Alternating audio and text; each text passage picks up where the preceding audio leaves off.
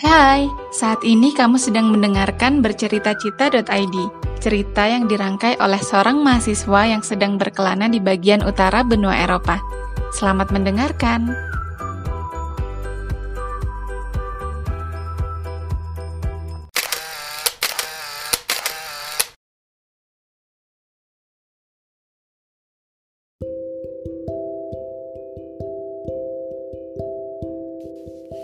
Berbicara tentang new normal, kosakata ini menjadi semakin sering ya kita dengar saat ini.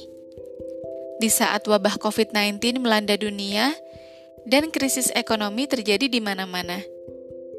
Banyak yang mengartikan new normal sebagai bentuk kenormalan baru, kebiasaan baru, dan berbagai adaptasi yang kita lakukan sebagai upaya untuk tetap melanjutkan kehidupan, meskipun pandemi masih belum dapat dihentikan. Bagi sebagian negara, new normal berarti wajib pakai masker saat keluar rumah, sosial atau physical distancing, dan berbagai protokol kesehatan lainnya yang wajib diterapkan ketika kembali melakukan aktivitas sosial dan ekonomi. Nah, kalau melihat situasi sekarang ini, rasanya kita ini seperti dipaksa ya, mau tidak mau harus bisa beradaptasi manusia dipaksa untuk berubah. Tatanan sosial ekonomi pun berevolusi. Bagi sebagian sektor yang memungkinkan, peralihan ke dunia digital pun menjadi pilihan. Bagi yang tidak, menjalankan protokol kesehatan menjadi sebuah keharusan.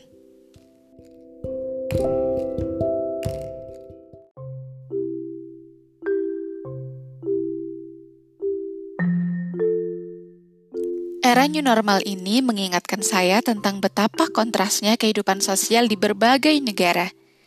Kalau di Swedia, masyarakat tidak diwajibkan untuk menggunakan masker ketika bepergian di tempat umum. Tidak pernah ada lockdown atau karantina wilayah di sini. Sekolah dasar dan menengah pun tidak ditutup.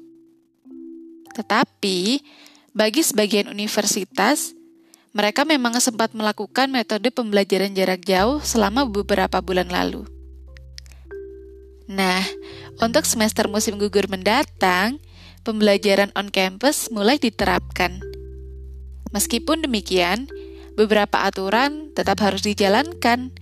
Misalnya, kelas yang dibuka hanya kelas yang diikuti oleh sekelompok kecil mahasiswa. Di Swedia, memang masih belum diperbolehkan untuk melakukan perkumpulan lebih dari 50 orang. Jaga jarak minimal 1 meter pun tetap harus dilakukan. Meskipun angka kasus dan kematian COVID-19 di Swedia cenderung lebih tinggi dibandingkan negara tetangganya yaitu Denmark dan Norwegia, tapi pemerintah Swedia tetap percaya diri dengan pendekatan yang mereka pilih mereka menganggap bahwa mereka telah menyediakan policy yang kuat terkait public health dan telah memberikan regulasi yang ketat terkait perlindungan kelompok rentan. Mereka juga memiliki kepercayaan yang besar terhadap rakyat mereka untuk melakukan self-distancing dan self-regulate. Nah, dari sini kita bisa melihat nih betapa kuatnya partnership antara government dan citizens.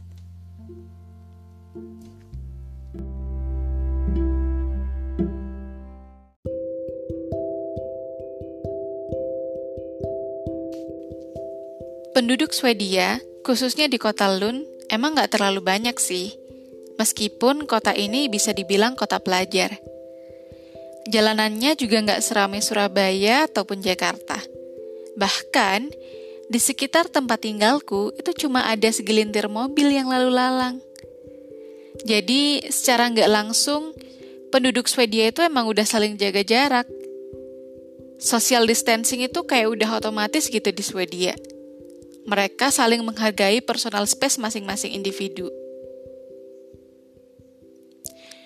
Sebetulnya, pendekatan yang dipilih oleh pemerintah Swedia dalam menghadapi pandemi ini cukup kontroversial sih, dan masih jadi perdebatan juga.